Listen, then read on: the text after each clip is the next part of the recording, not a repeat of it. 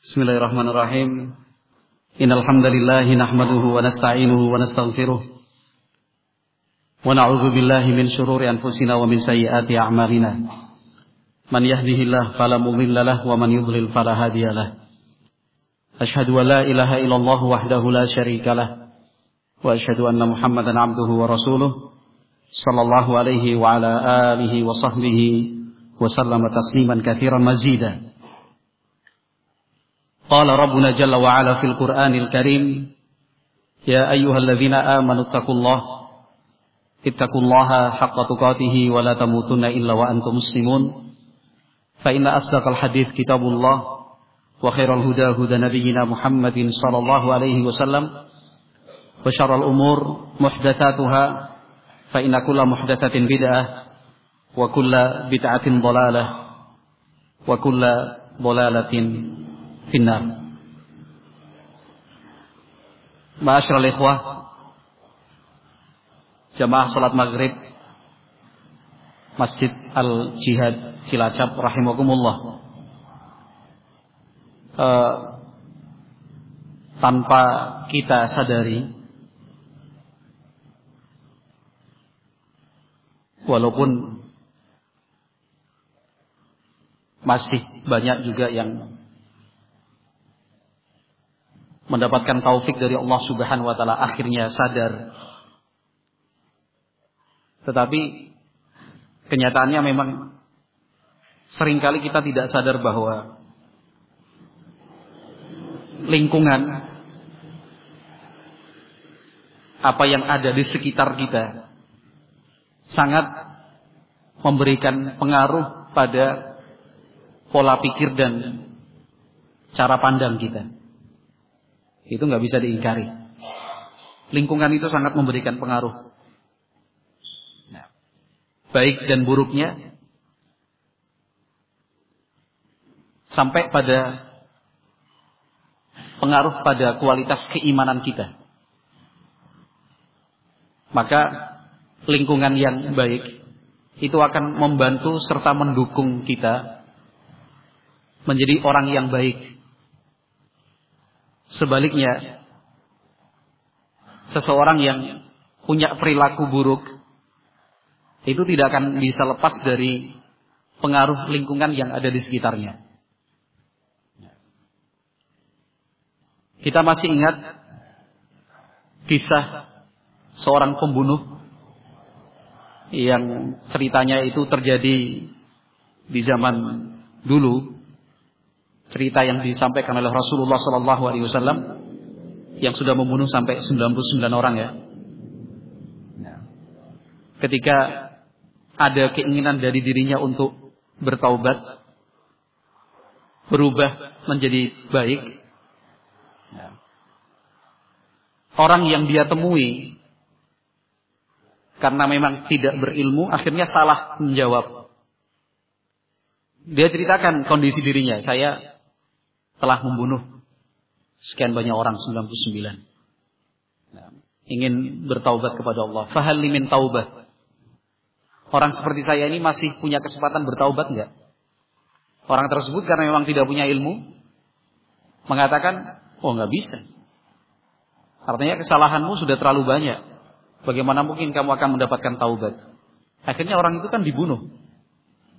Genap 100 orang yang sudah dibunuh oleh uh, si pembunuh tadi. Ini menunjukkan betapa berbahaya orang berbicara tanpa ilmu. Satu, mencelakai dirinya sendiri, akhirnya mati dibunuh. Karena salah bicara. Orang tersebut tersinggung. Ingin betul-betul bertaubat, berbenah diri, malah dikatakan nggak bisa orang seperti kamu bertaubat. Akhirnya karena salah jawaban, jawaban yang diberikan tanpa ilmu. Yang pertama, kerugian itu justru yang merasakan dirinya sendiri, mati akhirnya. Yang kedua, mencelakai orang lain. Membuat si pembunuh itu kembali melakukan kesalahan yang sama, yaitu membunuh. Akan tetapi orang tersebut memang mendapatkan petunjuk dari Allah Subhanahu wa taala terus mencari karena pada dasarnya seorang hamba yang melakukan kesalahan, terjatuh dalam dosa, itu pasti dalam dirinya e, merasakan tidak tenang. Itu sudah pasti. Itu rumus orang yang melakukan kesalahan itu pasti nggak tenang. Dia selalu merasa khawatir kalau perbuatan salahnya itu diketahui orang. Apalagi kalau yang mengetahui sekian banyak. Itu pasti tidak tenang. Dari satu sisi. Akhirnya dia terus mencari jawaban. Sampailah kemudian Allah Azza wa Jal pertemukan orang tersebut dengan seorang alim yang memang mempunyai basic ilmu yang cukup. Ketika dia sampaikan kondisi dirinya ingin bertaubat kembali kepada Allah Subhanahu wa taala, si alim mengatakan, "Nah, wa ma yainaka wa baina taubah." Artinya enggak tidak ada penghalangnya engkau ingin bertaubat kepada Allah Subhanahu wa taala. Nah, tetapi perhatikan nasihat dari si alim tersebut. Kata si alim kan Fa'ti ila qaryati kadza wa kadza fa inna biha unasan salihin. Kata si alim, setelah ini berpindahlah ke sebuah tempat. Si alim itu menyebutkan nama tempat yang harus dituju. Alasannya kenapa? Karena fa inna biha unasan salihin. Karena di negeri itu orang-orang yang tinggal di sana adalah orang-orang baik, orang-orang soleh. Dan kamu jangan kembali untuk tinggal dan menetap di kampungmu. Kenapa? Karena di kampungnya itu orang-orangnya jelek, orang-orangnya buruk. Sehingga bisa memberikan pengaruh. Nah, akhirnya si pembunuh tadi berangkat di tengah perjalanan Allah Subhanahu wa taala takdirkan dia meninggal dunia. Kemudian malaikat azab dan malaikat rahmat sempat berselisih. Nah, dia dimasukkan ke dalam golongan orang-orang yang mendapatkan rahmat ataukah dia akan mendapatkan azab dari Allah Subhanahu wa taala. Yang malaikat rahmat mengatakan, "Loh, dia sudah punya keinginan baik." Malaikat azab menjelaskan alasannya, dia belum pernah melakukan kebaikan. Akhirnya Allah Subhanahu wa taala mengutus malaikat yang lain untuk menjadi penengah, diukur. Nah, yang paling dekat jaraknya dia tertulis sebagai penduduknya. Setelah diukur ternyata jaraknya lebih dekat ke kampung yang berpendudukan orang-orang baik, orang-orang saleh. Nah, ikhwati fillah rahimakumullah. Hadis ini uh, menunjukkan kepada kita bahwa lingkungan itu banyak memberikan pengaruh ya, dalam cara berpikir, pola hidup. Mudah-mudahan kita yang hadir di sini termasuk yang bisa menyadari hal itu. Sehingga apa? kita bisa membuat langkah-langkah untuk menjaga diri sendiri dan keluarga kita tentunya dari pengaruh lingkungan yang buruk. Nah, dari pengaruh lingkungan yang buruk. Satu contoh kecil, ikhwati fillah rahimakumullah, pengaruh lingkungan yang akhirnya apa namanya menimbulkan efek buruk pada kita dan keluarga adalah yang terjadi pada anak-anak kita, bahkan bukan cuma pada anak-anak. Pengaruh buruk itu pun menimpa kita sendiri menimpa kita sendiri. Nah, perilaku anak muda di zaman sekarang dan kita semua masih muda insya Allah. Berarti termasuk di dalamnya juga. Walaupun sudah jenggotnya putih tetap muda. Ini Bang ya? Sekarang perilaku anak-anak muda coba. Gak usah jauh-jauh lah. Cara uh, cukur rambut, potong rambut. Gak usah banyak-banyak contoh saya berikan. Cukup satu itu saja. Nah, kita nggak bisa pungkiri kalau misalkan contohnya di pondok pesantren yang kita kelola, lembaga pendidikan yang kita apa, yang kita ya kita besarkan sama-sama lah fisabilillah di jalan Allah tentunya. Musim liburan datang, Ramadan misalkan atau di bulan Syawal, ketika lembaga pendidikan itu sudah mulai e, berfungsi kembali, anak-anak itu pulang dari rumah masing-masing, salah satu yang menjadi objek pembahasan kita sebagai pengurus itu kan cara cukur rambutnya itu. Cara cukur rambutnya. Ada yang apa? Trepes kanan, trepes kiri gitu lah ya. Trepes kanan, trepes kiri kan itu. Ada yang enggak di sini bagus. Kelihatannya bagus. Tapi kalau kopiahnya dibuka, bolong di sini.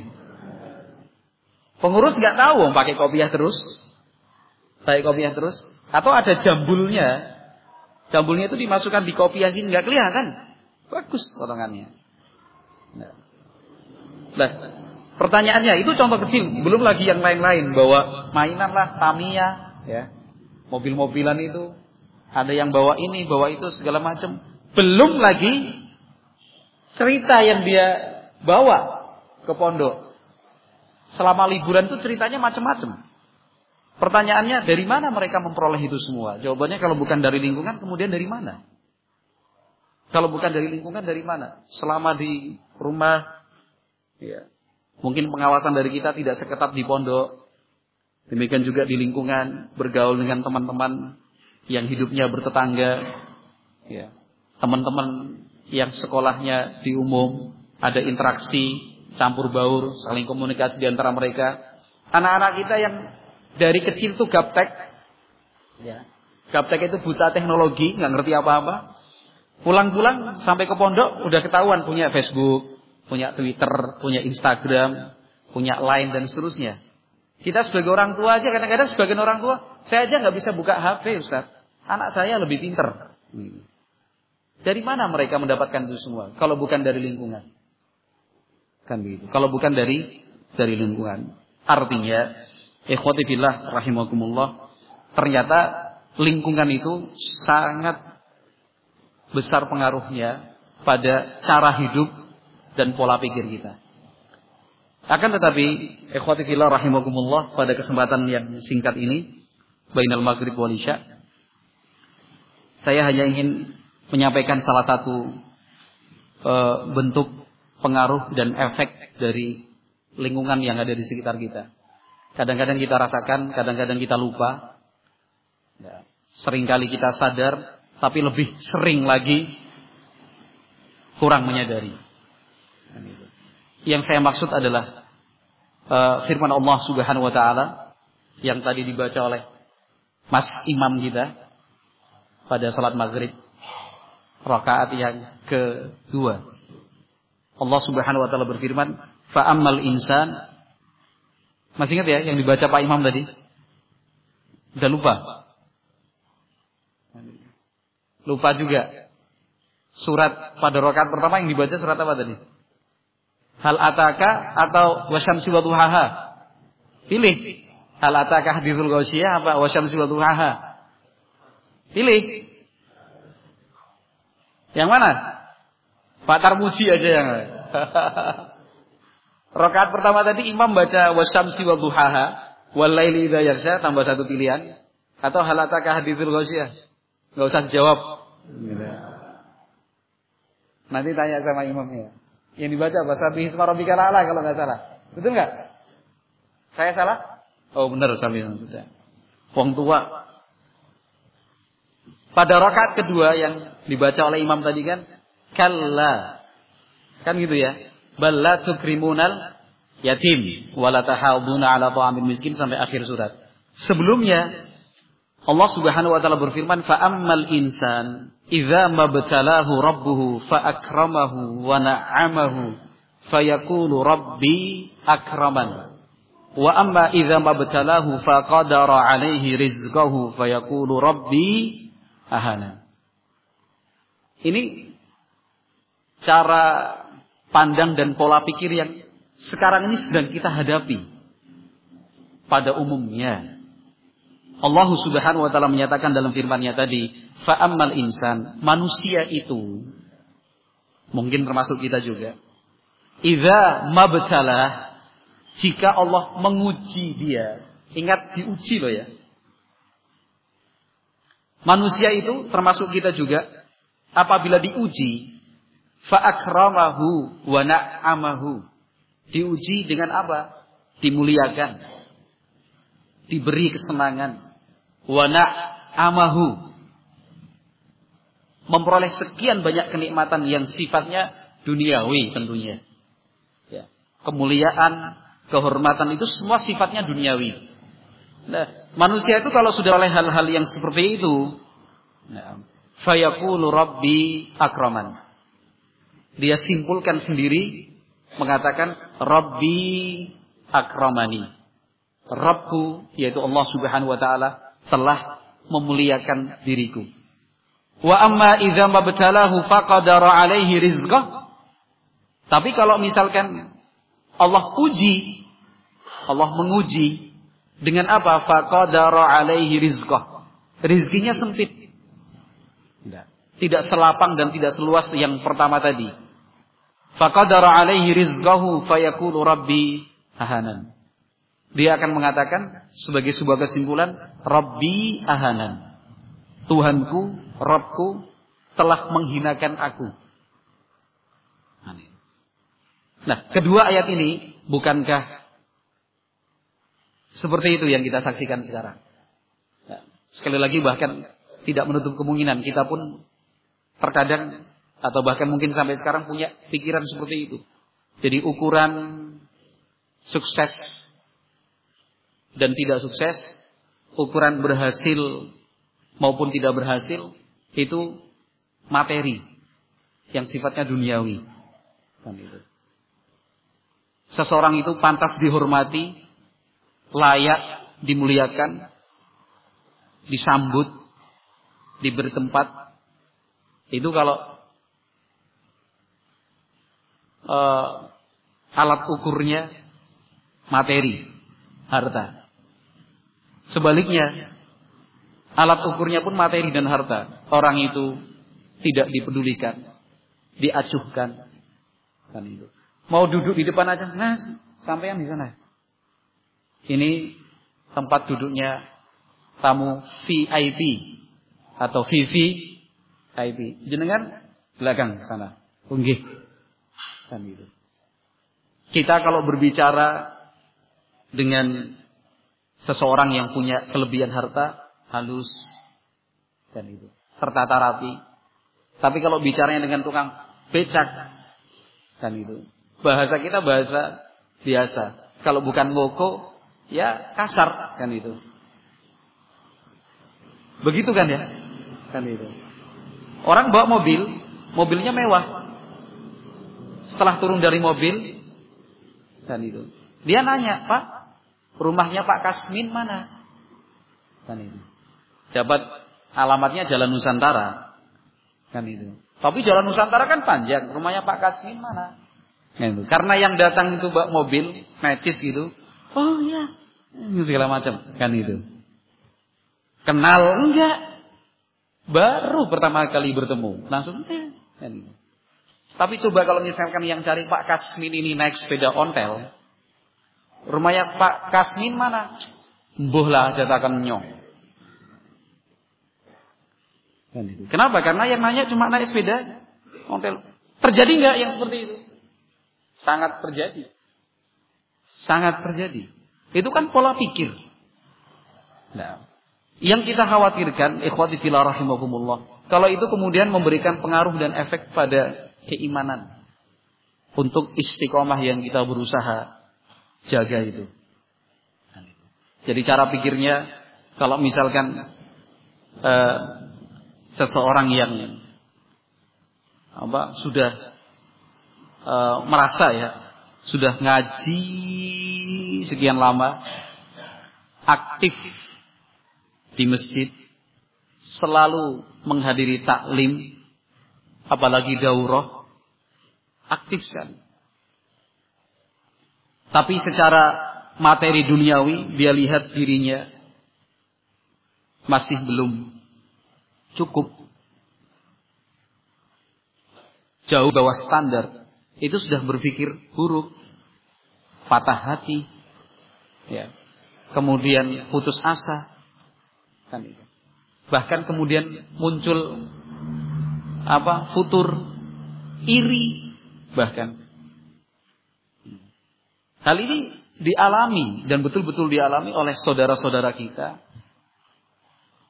Sebagian mereka ahli sunnah, ya sebagian saudara-saudara kita, saudara-saudara kita dari ahli sunnah, salafin, itu dirasakan oleh mereka. Wes orang duwe omah, dan itu.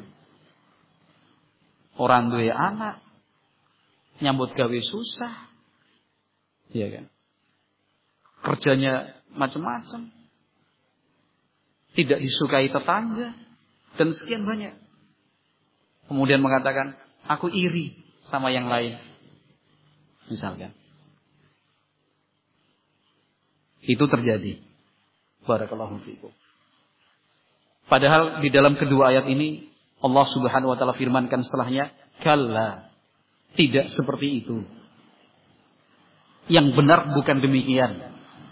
Yang benar itu bukan patokannya adalah materi. Kalau kita melihat seseorang secara materi itu bagus, berkecukupan, kemudian kita katakan wah, orang ini punya kedekatan dengan Allah Subhanahu wa taala. Allah muliakan dia. Allah cintai dia. Tidak seperti itu rumusnya. Atau ketika kita melihat orang hidupnya susah dan seterusnya, kemudian kita menilai dia kurang taat, nggak semangat ibadah, nggak serius dan kurang ikhlas dalam tolabul ilmi, nah, jarang berdoa, tidak boleh kita mengatakan seperti itu. Nah, itu kepada orang lain. Sama juga ketika kita menilai diri sendiri. Sama juga ketika kita menilai diri sendiri. Ketika kita menilai diri sendiri, kok semuanya serba gampang, serba mudah. Jadi urusannya lancar, terus rezekinya luas, terus semua serba ada, fasilitas serba berkecukupan. Tidak boleh kita mengatakan Allah muliakan saya. Atau seseorang yang sebaliknya menilai diri sendiri. Saya hidupnya susah. Ini sempit. Ya. Terus, terus. Jadi kesusahan-kesusahan dan kesulitan yang dia rasakan di dunia. Akhirnya disimpulkan, apa Allah tidak sayang dengan saya. Sia-sia saya beribadah. Tidak demikian. Karena patokannya itu bukan materi duniawi. Patokannya bukan materi duniawi. Nah. Allah Azza wa Jalla firmankan setelahnya, "Kalla bal la tukrimunal yatim." Di antara alat ukur untuk menentukan mulia tidaknya seseorang, terhinanya seorang hamba ataukah tidak di sisi Allah Subhanahu wa taala. Yang pertama yang Allah sebutkan adalah bal la tukrimunal yatim. Semangat kita untuk memperhatikan anak-anak yatim, orang-orang miskin, kaum fakir, al-du'afa wal mustad'afun, kaum lemah. Nah, salah satu ukurannya di situ. Balla tukrimunal yatim. Seorang hamba yang mempunyai perhatian besar kepada anak-anak yatim, kaum fakir, orang-orang miskin dan seterusnya, kaum yang lemah. Itu pertanda bahwa di dalam hatinya ada kualitas iman yang istimewa. Karena tidak semua orang punya perhatian kepada anak-anak yatim. Nah, yang memberikan perhatian kepada anak-anak yatim, apakah terbatas pada orang-orang yang punya kemampuan, yang hartanya banyak? Tidak. Nah, yang hidupnya susah pun, asalkan ada iman di dalam hatinya, dia akan berusaha semampunya untuk membantu anak-anak yatim. Pasti. Nah, Allah akan mudahkan jalannya untuk sana. Nah, Aisyah radhiyallahu anha, ummul mukminin, dalam hadis yang diriwayatkan oleh Imam Muslim rahimahullahu taala memberikan contoh untuk kita. Ketika itu ada seorang pengemis perempuan yang sudah berusia tua, wanita pengemis datang mengemis ke rumah Rasulullah sallallahu alaihi wasallam, tepatnya di kediaman Aisyah radhiyallahu anha si pengemis perempuan itu tidak datang sendiri mengemis, tetapi sambil membawa kedua orang anak perempuannya, kedua putrinya. Aisyah radhiyallahu anha karena ingin mengamalkan ajaran Islam, Aisyah masuk ke rumah, cari, cari, cari. Tidak ada yang bisa diberikan kecuali tiga butir kurma. Itu rumahnya Rasulullah Sallallahu Alaihi Wasallam. Tidak ada yang lain. Sekali lagi, tidak ada yang lain di rumah Rasulullah Sallallahu Alaihi Wasallam. Sedekah yang bisa diberikan itu cuma tiga butir kurma. Diserahkan ketiga-tiganya. Sama ibunya diambil, Yang satu dikasihkan ke anak perempuan yang pertama, satunya lagi dikasihkan ke anak perempuan yang kedua, yang satu buat ibunya sendiri. Karena sudah lapar, kedua-duanya langsung makan, habis. Punya ibu belum dimakan. Lihat putrinya masih menunjukkan lapar, ibunya yang ngalah. Punyanya sendiri dibelah jadi dua, yang separuh buat putri yang pertama, separuhnya lagi buat putri yang kedua. Ibunya nggak makan. Ketika itu diceritakan kepada Rasulullah SAW, Rasulullah tertawa senang. Intinya, ikhwati filah rahimakumullah, semangat Aisyah. Dan itu kan hasil pendidikan dan tarbiyah dari Rasulullah Sallallahu Alaihi Wasallam bahwa memberikan perhatian kepada anak-anak yatim itu tidak hanya berlaku untuk yang punya duit banyak yang bisa ngasih dalam jumlah yang apa dalam jumlah yang besar. Aisyah ngasih tiga butir kurma.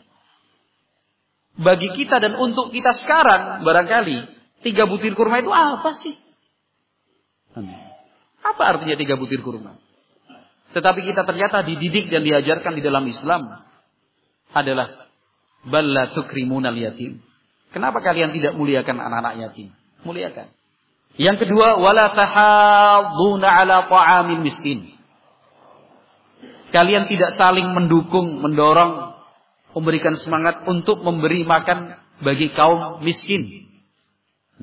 Nah, yang dipikir cuma kita sendiri, yang penting kita bisa makan, yang penting anak-anak kita bisa makan. Sementara uh, sensitivitas atau kepekaan kita terhadap orang-orang yang ada di sekitar masih kurang dan belum termaksimalkan. Kan ada fenomena keinginan untuk apa egoisme itu muncul dan subur. Ya. Apalagi nanti apa misalkan ada isu akan naik harga. Harga apa aja kan itu. Misalkan harga tabung gas akan naik. Kan itu. Ya mohon maaf aja. Kita cenderung untuk numpuk sebanyak banyaknya. Yang dipikirkan pokoknya kita, saya, keluarga saya. Ada isu gula pasir mau naik, belanja sebanyak-banyaknya. Ada isu beras akan naik, belanja sebanyak-banyaknya. Kan itu. Tidak berpikir orang lain gimana. Tetangga kita seperti apa. Kan itu. Sekali lagi, pola hidup seperti itu secara tidak langsung kita pun kena pengaruhnya. Kita juga kena kena pengaruhnya, dampaknya itu. Nah. Wala tahaduna ala ta'amil miskin. Padahal hadis Rasulullah Shallallahu Alaihi Wasallam yang dihasankan atau disahihkan oleh Syekh Al Albani rahimahullah taala Nabi Shallallahu Alaihi Wasallam menyatakan, la yukmin. Iman seseorang itu belumlah dikatakan sempurna, belum bisa dikatakan baik kualitasnya. Nah. Kapan? Nah. Alladhi yashba wajaruhu ja'i. Dia makan sampai kenyang, tetangganya masih ada yang lapar. Dia makannya kenyang, tapi tetangganya masih ada yang lapar. Artinya Nabi Muhammad SAW mengingatkan kita bahwa ketika makan dan minum jangan hanya berpikir tentang dirinya sendiri, tapi berpikirlah tentang orang lain, tetangga, kerabat, teman, kan begitu. Jangan berpikir ah paling juga udah makan. Kan Seandainya pun tetangga kita sudah makan, tetangga kita sudah kenyang, tidak akan sia-sia apa yang kita berikan untuk mereka. Karena nilainya sedekah, merekatkan ukhuwah, ya. Demikian juga mengharumkan nama baik dakwah. Walhamdulillah. Itu yang disebutkan oleh Nabi sallallahu alaihi wasallam. Wala tahaduna ala ta'amil miskin. Nah. Orang-orang miskin yang dimaksud bukan hanya di kalangan kita saja, di kalangan salafiyin. Tetapi orang miskin yang ada di sekitar kita. Terkadang sebagian itu cenderung berpikir kalau dia punya kelebihan harta, ya, dia bagi untuk orang miskin walaupun jaraknya jauh hanya dikarenakan sama-sama ngaji. Sementara tetangga kanan kirinya yang dekat sehari-hari bertemu juga sama-sama miskin, dia lupakan. Alangkah lebih baiknya yang tetangga-tetangga dia perhatikan. Barangkali dengan perhatian yang kita berikan, Allah Subhanahu wa taala berikan barokah, berikan barokah sehingga mereka senang, cinta, tertarik. Nah, itu menjadi lahan dakwah kita. Nah, tanpa kita melupakan saudara-saudara kita sesama salafiyin. Kita berbagilah. Nah, uang 100 ribu, yang 50 ribu buat teman kita yang sana jauh. Karena bareng ngaji misalkan. Yang 50 ribu kita upayakan untuk tetangga kita yang miskin. Nah, wala tahaduna ala miskin. Wa ta'kuluna turatha aklan lamba. Wa tuhibbuna al-mala hubban jamma. Kedua ayat ini maknanya saling terkait. Nah. Wa ta'kuluna turatha aklan lamba. Kalian makan harta warisan, harta yang kalian punya. Aklan lama dengan ambisi dan penuh nafsu. Nah, apa namanya? Punya sifat apa namanya? Eh, konsumerisme. Jadi pengennya menghabiskan apa yang dia punya. Punya duit, entek ke. Punya uang, caranya menghabiskan bagaimana? Wa tuhibbunal mala hubban jamma. Dan kalian terlalu berlebihan di dalam mencintai harta. Dan itu terjadi. Nah, lingkungan kita sekarang ini hampir kita dapatkan seperti itu, hampir semuanya. Illa man rahimahullah, kecuali mereka yang diberi rahmat oleh Allah Subhanahu wa taala. Harga melambung tinggi, sembako demikian susah. Biaya hidup semakin menjepit. Padahal pendapatan yang kita peroleh tidak bergeser ya itu itu aja. Jumlah gaji UMR-nya dalam satu tahun sama. Tetapi biaya hidup dalam satu tahun mengalami peningkatan. Ini sekian persen. Biaya listrik, biaya air, biaya makan, biaya pendidikan, biaya kesehatan, biaya untuk papan, tempat tinggal, biaya kendaraan, dan seterusnya, bahan bakar. Tiap waktu naik, naik, naik. Tetapi penghasilan yang kita dapatkan cenderungnya stagnan, tetap tidak bertambah. Kan begitu. Nah, di situ ikhwati fillah rahimani wa rahimakumullah diperlukan kekuatan iman yang cukup. Ya, kekuatan iman yang yang cukup. Kekuatan iman yang cukup itu tidak akan mungkin bisa kita peroleh kalau kita tidak memanfaatkan waktu untuk menyelami ajaran Islam, memperdalam pemahaman kita tentang Al-Quran dan hadis-hadis Rasulullah Sallallahu Alaihi Wasallam. Sebab kita sangat yakin bahwa orang yang beriman dengan yang sebenar-benarnya Allah Subhanahu Wa Taala akan memberikan rasa tenang di dalam hatinya. Akan jauh dari cara berpikir seperti itu. Kenapa? Setiap waktu, setiap saat dia dipertemukan dengan ayat-ayat Allah Subhanahu wa taala yang memerintahkan untuk bersabar. Ayat-ayat Al-Qur'an yang mengingatkan kita untuk banyak-banyak bersyukur kepada Allah Subhanahu wa taala. Ayat-ayat Al-Qur'an yang mengajarkan kepada kita bahwa kehidupan akhirat itu jauh lebih baik dibandingkan kehidupan dunia. Ayat-ayat Al-Qur'an yang mengisahkan untuk kita kehidupan orang-orang yang beriman, para nabi, para rasul dan pengikut-pengikut mereka. Seperti apakah kondisi dan keadaan mereka? Ayat-ayat Al-Quran yang menjelaskan kepada kita seperti apakah indahnya surga dan betapa menakutkannya neraka. Tiap waktu kan kita diingatkan kan gitu. Akhirnya kalau misalkan ada pola pikir cara hidup yang terkena pengaruh lingkungan tadi muncul kita baca ayat tentang sabar, sabar. Baca ayat tentang syukur, syukur membaca tentang keindahan surga. Berarti nggak ada apa-apanya.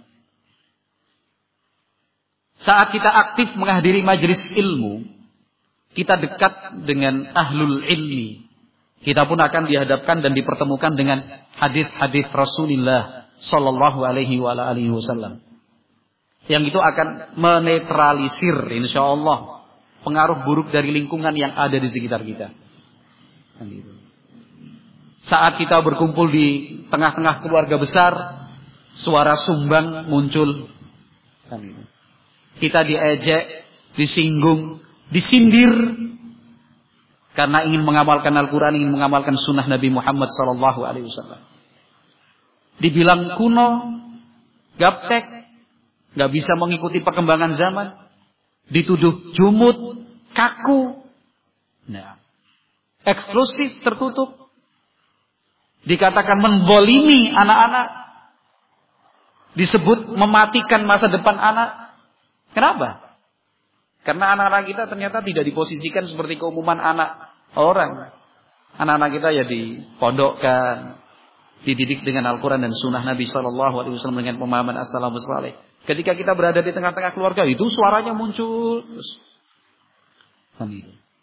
Iya, terkadang don juga. Apalagi kalau yang bicara orang tua atau pangkatnya lebih tua dari orang tua kita, Pak De, Simbah, adiknya Simbah, kakaknya Simbah. Diomongin di depan orang banyak lagi. Kan itu. Buat malu keluarga kamu. Kakakmu sarjana. Adikmu sarjana. Kan itu. Mbak Yumu dokter spesialis. Adikmu insinyur terkenal di Jakarta. Kan itu. Ibumu itu. Misalkan. Bidan terkenal di Cilacap. Misalkan. Bapakmu. Misalkan. Pangkat terakhirnya letnan kolonel. Misalkan. Letkol. Pensiunan. Jadi sama Pak D-nya, uh, segala macam. Kamu apa? Kuliah nggak selesai. Kan itu. Istrinya nggak lulus SD. Karena istrinya anak pesantren ternyata. Anak-anakmu juga kayak gitu. Di depan orang banyak. Don. Mikir ini. Iya kalau kita cuma, J, J. Tapi rasa-rasanya sih susah. Kalau kata-kata dan ucapan seperti itu kemudian tidak ada pengaruh dalam hati itu rasa-rasanya susah. Pasti ada sedikit membekasnya. Rip. Inilah. Artinya kalau terluka ya terluka dikit sekali. Tapi tetap pulang itu udah. Apalagi fondisnya itu bikin malu keluarga. Itu udah. Ngaji. Dengarkan ustadznya menjelaskan tentang orang-orang sebelum umat Islam. Yang diuji keimanannya dengan sesuatu yang jauh lebih dahsyat dibandingkan kita. Ashabul ukhdud misalkan. Qutila ashabul ukhdud an-nari dzatil waqud idhum 'alaiha qu'ud fahum 'ala ma yaf'aluna bil mu'minina syuhud. Ashabul ukhdud mereka yang kemudian dikumpulkan oleh sang raja sudah disiapkan lubang atau parit yang luas dalam kayu bakar dikumpulkan semua ditumpuk dibakar ditanya satu-satu kamu beriman kepada Tuhannya anak muda itu atau mengatakan bahwa raja kita adalah Tuhan. Kalau dia beriman kepada Allah, dilemparkan hidup-hidup. Itu jadi tontonan. Bukan, tapi malah jadi hiburan bagi orang-orang kafir. Dibuang hidup-hidup. Sampai ada seorang ibu ragu, ya enggak, ya enggak, ya enggak. Kenapa? Bayinya masih kecil. Saking cintanya seorang ibu mikir, ini kalau sampai bayinya kan bisa bicara. Bayinya bisa bicara. Wahai ibu, isbiri ya ummah isbiri. Wahai ibu sabarlah. Bayi bisa bicara. Karomah yang Allah berikan. Kenapa? Istiqomahnya, kuat imannya, nyemplung baru-baru dibuang dalam api. Sebelumnya sang menteri, demikian juga sang rahib, orang yang berilmu saat itu, ya kan? dihukum dengan ditanam hidup-hidup, digergaji, terbelah jadi dua, hidup-hidup loh ya. Digergaji. Bisa bayangkan nggak? Kita aja mungkin kalau menyaksikan secara langsung bisa jatuh pingsan kan gitu. Saking rinya orang bisa bayangin nggak? Orang hidup-hidup digergaji pakai senso yang pemotong kayu itu. Di apa? Ngeri nggak? Tapi bagi mereka itu hiburan. gergaji. Masih mending pakai senso, cepet. Ini gergaji manual. Yang tadi di tengah-tengah keluarga sempat John, lihat, uh, ternyata ini orang spira ya, kan itu. Gak ada apa-apanya, ah, cuma diomongin. Harusnya kan masuk telinga kanan, keluar telinga Iri kan itu, pulang seger gitu. Kan itu bukan pulang terus di atas motor diem aja. Istrinya tanya, anak apa kang? Ora. Sampai di rumah anak-anaknya juga bingung. Abi kok diem aja Mi? Enggak tahu tuh Abi. Kenapa masih mikir ucapan Pak Adenya tadi? Bikin malu keluarga kamu. Cuma diomongin. Lebih sakit mana? Diomongin atau digergaji gitu? Ya sakit gergaji lah. Walaupun omongan itu sakit, tapi lebih lebih lebih apa? Lebih iya lebih parah ya kan, lebih parah digergaji sampai mati loh ya. Terbelah jadi dua sampai jatuh. Kalau digambarkan dalam hadis itu, dalam hadis itu sampai badannya itu terbelah jadi dua terus jatuh gini pak, kayak gue. Hmm. Jatuh gini, tek, kan itu. Dengar taklim seperti itu. Orang sekira nyong kan gitu ya. Jangan dengar ucapan dari Pak D gitu terus pulang diem aja. Tetap mau diomongin apa segala macam, berangkat ceria, pulangnya juga tetap ceria. Kan gitu. Itu fungsinya kita ngaji, mendengarkan ayat Al-Quran, hadis Nabi Wasallam. Obat itu ya. Karena kita kalau udah hidup di luar itu kena penyakit terus, hatinya kena penyakit, kena penyakit, kena penyakit. Naik orang diobati. Jangan sampai di di apa? Diinfus, diopnam. Ah, jangan sampai diopnam. Kalau bisa sebelum kena penyakit-penyakit itu, berhadapan dengan penyakit itu, sudah ada apa? Imunitasnya. Artinya iman kita ya sudah diupayakan terjaga, kuat, kokoh. Pengobatannya bukan setelah diomongin Pak Adenya tadi don, obatnya di majelis ilmu setelahnya. Tapi kalau bisa, ketika diomongin Pak Adenya seperti itu langsung ingat, nggak apa-apa. Dalam hati ya, nggak apa-apa, masih mending lah daripada orang-orang sebelum kita yang diuji dengan sedemikian banyaknya. Itu pentingnya nggak ngaji. Jadi aja ditinggalnya majelis ilmunya. Jangan ditinggalkan. Semakin banyak masalah, semakin sering ngaji. Kalau tidak ada masalah juga tetap ngaji. Sehingga gak ketahuan kita sedang punya masalah apa enggak. Iya Pak Tarmuji ya.